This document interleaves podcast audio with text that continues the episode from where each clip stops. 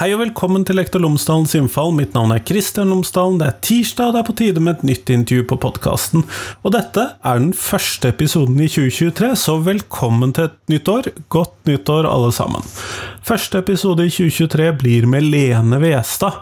Hun er førsteamanuensis ved Universitetet i Stavanger og Nasjonalt senter for læringsmiljø og atferdsforskning. Vi snakker om sosiale og emosjonelle ferdigheter, og hvilken betydning disse har for elever elevenes trivsel, hvilke, hva de innebærer for elevenes læring og læringsmuligheter, og hvordan skolen kan fremme denne typen ferdigheter hos elevene. Så, så emosjonelle og sosiale ferdigheter, det er tema i dag.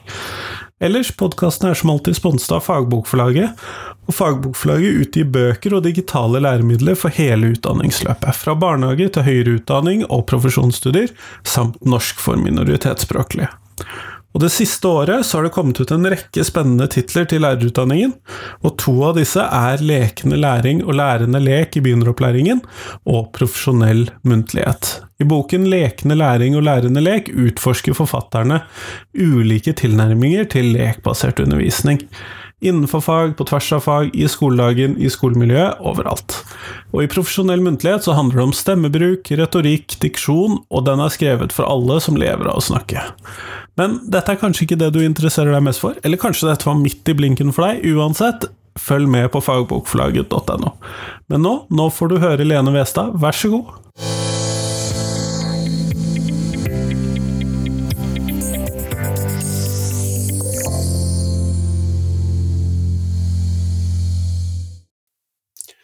Lene Westad, tusen takk for at du har tatt deg tid til meg i dag.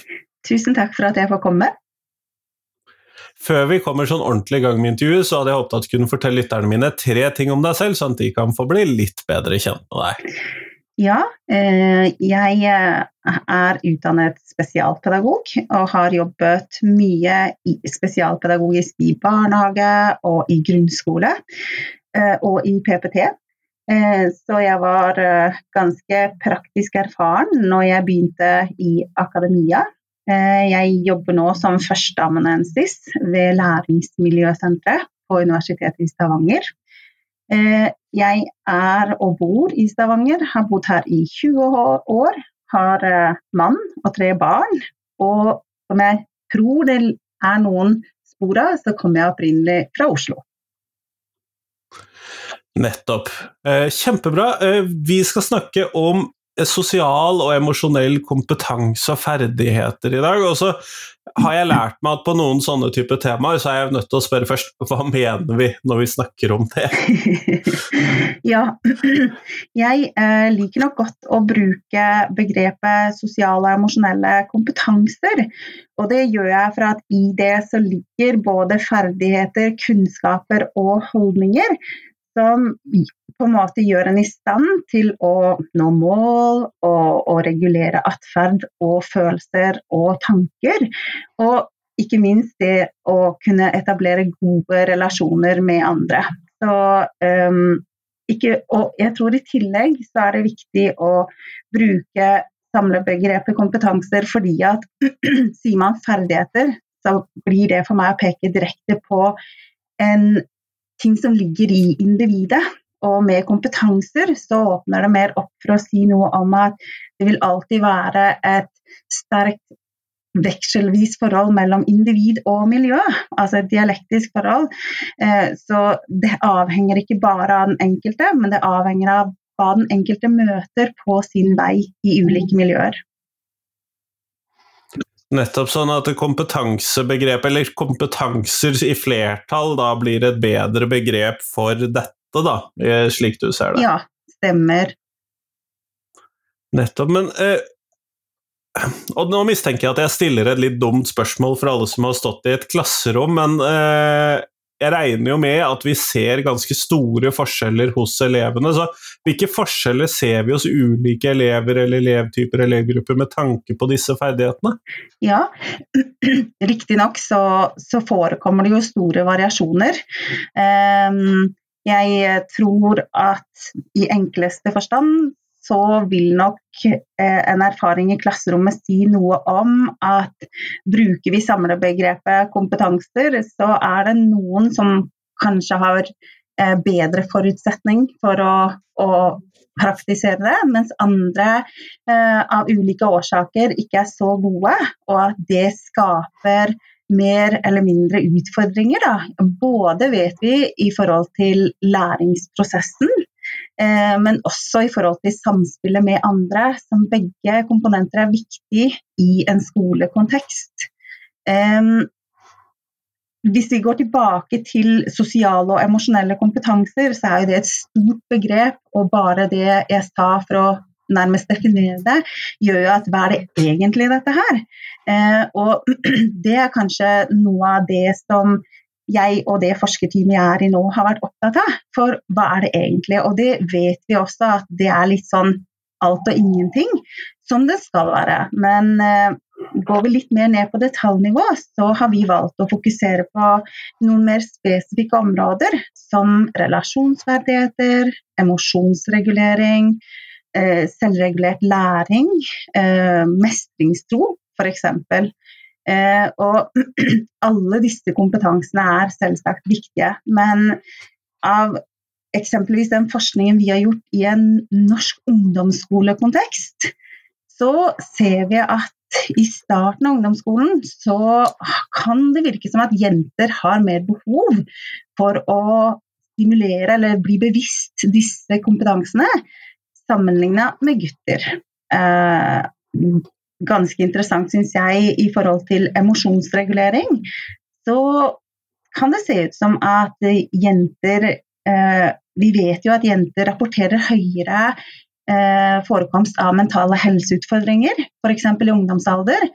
Og så kan det se ut som det å, å, bli bevisst at man kan regulere eller retolke emosjonelt aktiverende situasjoner på en mer konstruktiv måte, det kan se ut til å være med å bidra til å dempe mentale helseutfordringer.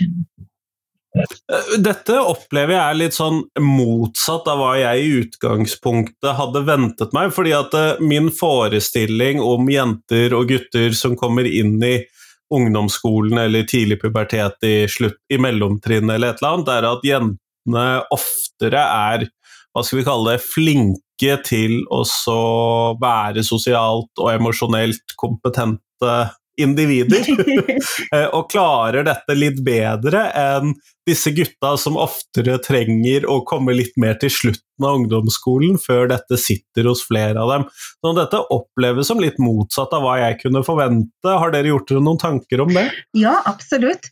Eh, jeg tror helt enkelt at det kan handle om eh, at ikke bare er jenter eh, muligens framstår som flinke til dette her, men at det å være flink også kan medvirke til en opplevelse av stress.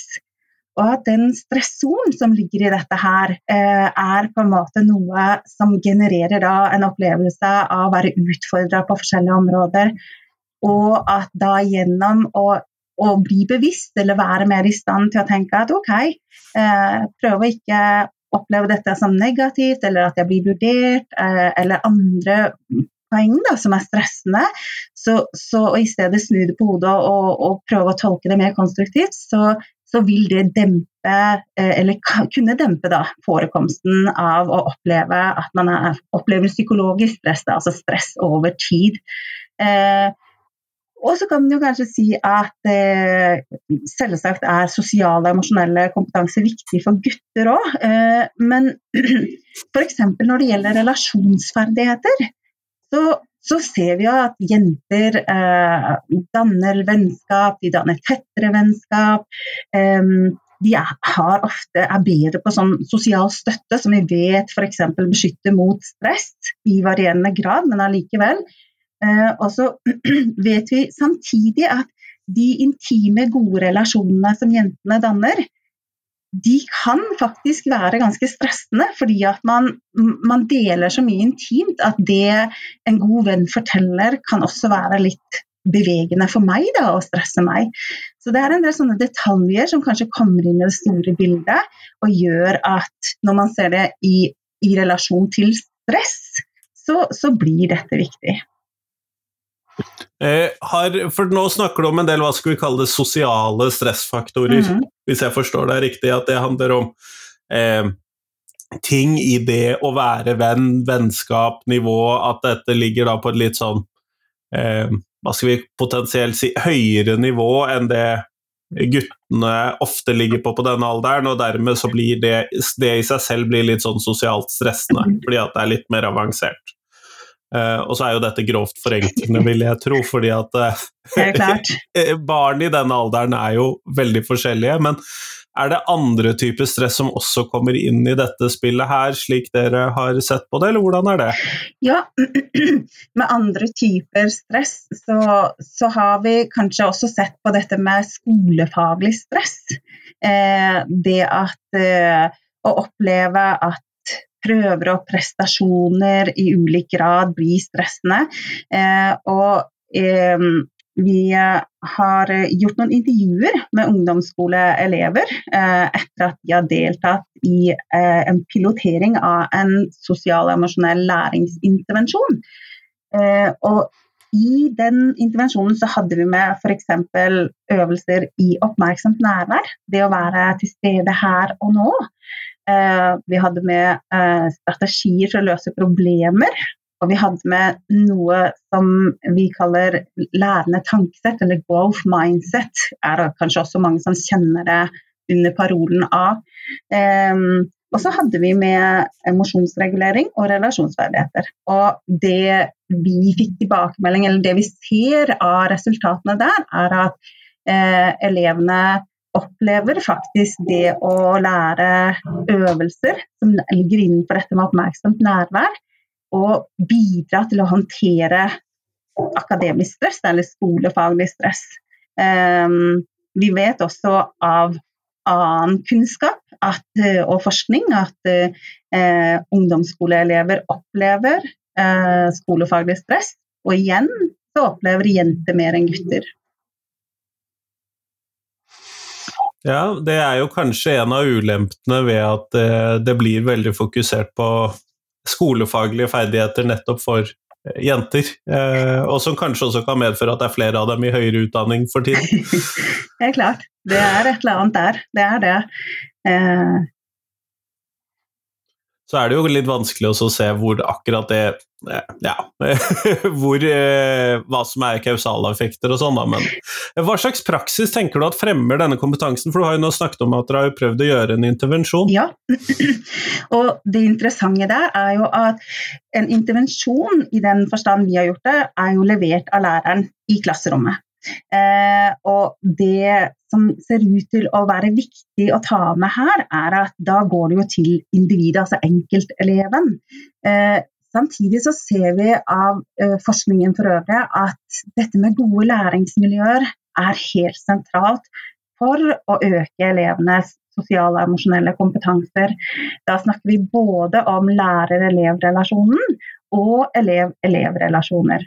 Og noe av argumentet er jo at relasjonen til lærer gjennom f.eks. emosjonell støtte, altså det at man opplever at læreren har tro på en, har forventninger til en, eh, det, det, er med å bidra til en slags trivselsfaktor, som igjen stimulerer ulike sosiale og emosjonelle kompetanser. Og så får det lov å sette seg som en praksis i et læringsmiljø. Eh, og gode læringsmiljøer gir jo ganske logisk rom for å utøve forskjellige sosiale og emosjonelle kompetanser. Og får man mye av noe, så blir man bedre på noe. Um, og så vet vi motsatt at i mindre heldige læringsmiljø så blir det fort en, en negativ tendens, og, og hvor man får etablert forskjellige mekanismer som kan lede til f.eks.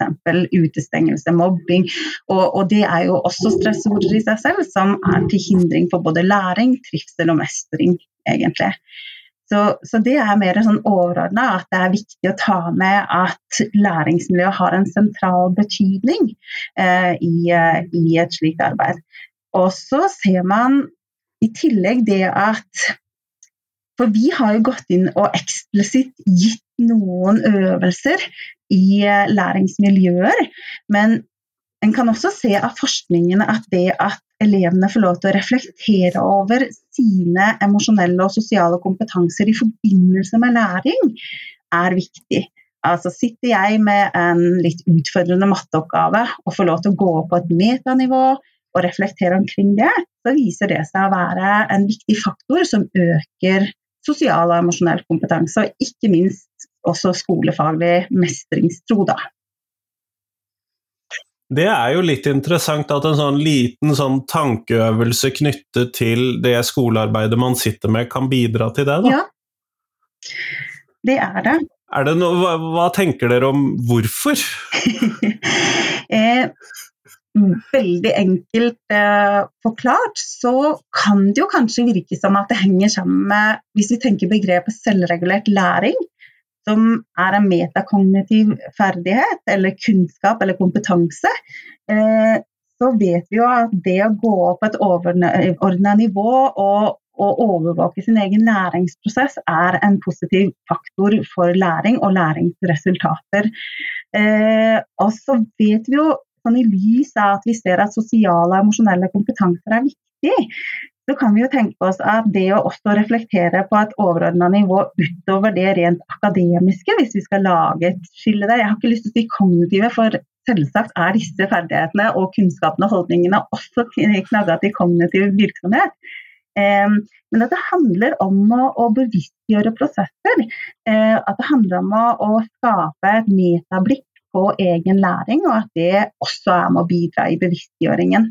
For uh, vi vet jo det alle sammen at uh, i ulike kontekster og i læringskontekster så går vi jo noen ganger på autopilot. og jo mindre kanskje indre driv og motivasjon man har, jo mer går dette på teknisk autopilot.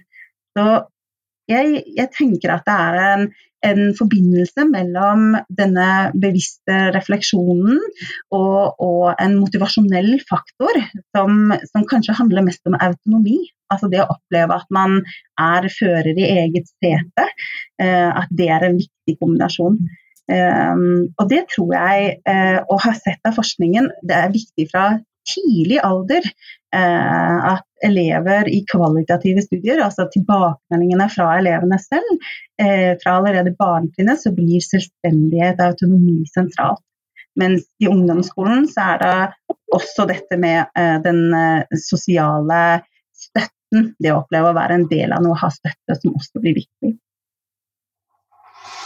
Eh, det er jo litt interessant, syns jeg, dette du peker på som denne automatiseringen eh, og det å være eh, At man får øving i dette. og Det blir jo fort da um, mye det samme som man da driver med i idrett, og vi snakker om å terpe på matematiske ferdigheter og sånn, så blir jo dette én av mange ting man skal, må, kan, bør øve på. og Eh, noe man må jobbe med, men også noe som man da kan faktisk opparbeide seg ferdighet i. og Det er jo både fordeler og ulemper i, en, i et sånt perspektiv på det. Hva tenker du om det? Ja, eh, Først og fremst er det jo det kanskje å ta med i, i ligningen at individuell variasjon er viktig. At det ikke skal være en mal på at alle skal være like. Eh, og at eh, det kanskje ikke skal være en suksessiv trening, men mer en bevissthet omkring at dette har en funksjon. Eh, eh, jeg tviler ikke på at alle lærere i Norges skoler er bevisst på disse mekanismene. Eh, men jeg tror det er viktig å, å, å minne om det at, det, at det er viktig. Og så er det jo klart at helt helt eksplisitte øvelser, som f.eks. det vi har vært inne på, Um, og automatiseringen av disse, det er jo en frivillighet, men det kan se ut som at det har en funksjon. Og, og jeg tenker også at som pedagogen i det utøvende arbeidet, så har man mulighet til å bruke ulike verktøy som man kanskje tror vil passe individet. Så mer snakk om å, å ha kanskje en verktøykasse som man kan bruke i prosessen. Og jeg, jeg går vi tilbake til dette med lærende tankesett, som vi ser kan være en viktig mekanisme for læringsprosessen, eh, så, så ser det ut som at eh, det er viktig for elever å, å, å ha um, mest funksjon, eller har en funksjon hos elever som i ulik grad er utfordra skolefaglig. Det å bli bevisst at du er ikke født med et sett evner og ikke klarer noe mer, men at innsats, strategier og samarbeid teller. Eh, så det er ikke mer avansert enn det, rett og slett. Eh, men hvis vi da ser på dette, så er det jo sånn, hva skal vi kalle det, åpenbart at dette har en verdi i skolen der og da, når de går der, og de går der jo skrekkelig lenge. Eh, noen av oss har jo vært der i skolevesenet i 30 år fordi at vi liksom aldri Vi hoppet rett over i høyere utdanning og har liksom aldri forlatt det, sånn at det, det varer ganske lenge. Men si for en yrkesfagselev, så er du i den skolesituasjonen i typ 14 år, og så skal du ut i yrkeslivet. Men hvilken verdi har denne, disse kompetansene, som hvis vi skal ta i et litt sånn lengre livsløpsperspektiv, da, tenker mm. du? Eh, en ting er hva jeg tenker, eh, og hva man ser. Så, så, virker det som av forskningen så virker det som at det er en Altså, Opplever man mestring, opplever man å håndtere livets og skolens små og store utfordringer, så har det en langtidsvirkning. Ehm, jeg syns også eh, sånn helt hands on at jeg har sittet i intervjuer med elever i grupper, eller såkalte fokusgrupper, hvor de på en måte påpeker at det var jo litt teit, men vi ser jo at dette er noe vi får bruk for når vi blir voksne òg syns jeg det var en sånn fin illustrasjon på at det, det kan virke litt rart og, og, litt sånn utenom det vanlige akademiske i en skolekontekst, men at også allerede i tidlig ungdomsalder så ser man at oi, dette er kanskje ulike ting i variert grad jeg kan få bruk for senere. Så En teknisk komponent som sier noe om at disse kompetansene er stimulerbare og påvirkbare, og at det har en vedvarende effekt gitt at det foregår i et forhold der man erkjenner samspillet mellom individ og miljø, selvsagt. Det er ikke noe man trykker inn i individet som på en måte vedvarer der, men det er jo noe som hele tiden er i et vekselspill. Eh, vi har nå kommet til slutten av episoden eh, og den tiden vi har. og jeg lurer på Hvilken lærer har gjort størst inntrykk på deg, og hvorfor det? Ja. Som er det faste spørsmålet mitt. Og Det er et veldig fint spørsmål. Eh, jeg eh, tror faktisk at jeg har to lærere som har gjort inntrykk på meg, hvis det er lov til å ta med to stykker. Du skal få lov til det. jeg eh, har fra ungdomsskolen, som var en tid hvor jeg var virkelig i puberteten så var jeg så sårbar. Jeg levde i min egen boble. Det var meg og hestene, og ingen andre stort sett. Men jeg hadde en lærer som jeg opplevde hadde troa på meg. Når mine foreldre f.eks. For var svært frustrerte. og det var viktig for meg. Og på videregående så hadde jeg en mattelærer som satte det faget i et helt nytt lys for meg. Eh, som var en utrolig dyktig pedagog, og som gjorde matematikkfaget til noe annet enn å pugge formler, som det hadde vært for meg før. Så det er vel det i sum. Og så har jeg hatt mange andre flinke lærere, men det er liksom de to sterke inntrykkene som sitter igjen nå i godt voksen alder. Kjempeflott. Tusen takk for at du tok deg tid til meg i dag, Lene. Takk for at jeg fikk være med.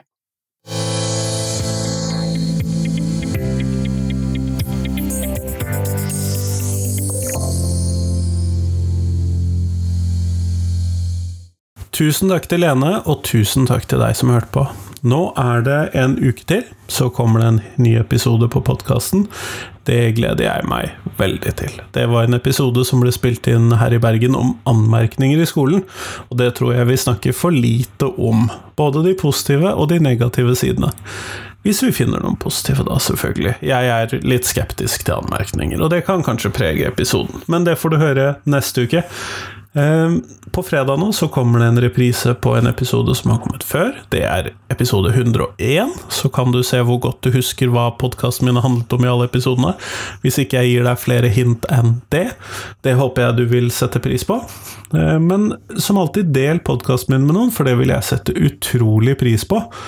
Ehm, for rett og slett fordi at det er gøy når folk hører på det jeg lager. Ellers hadde det ikke vært noe vits. Men nå, nå får du ha en fin uke videre. Hei, hei. you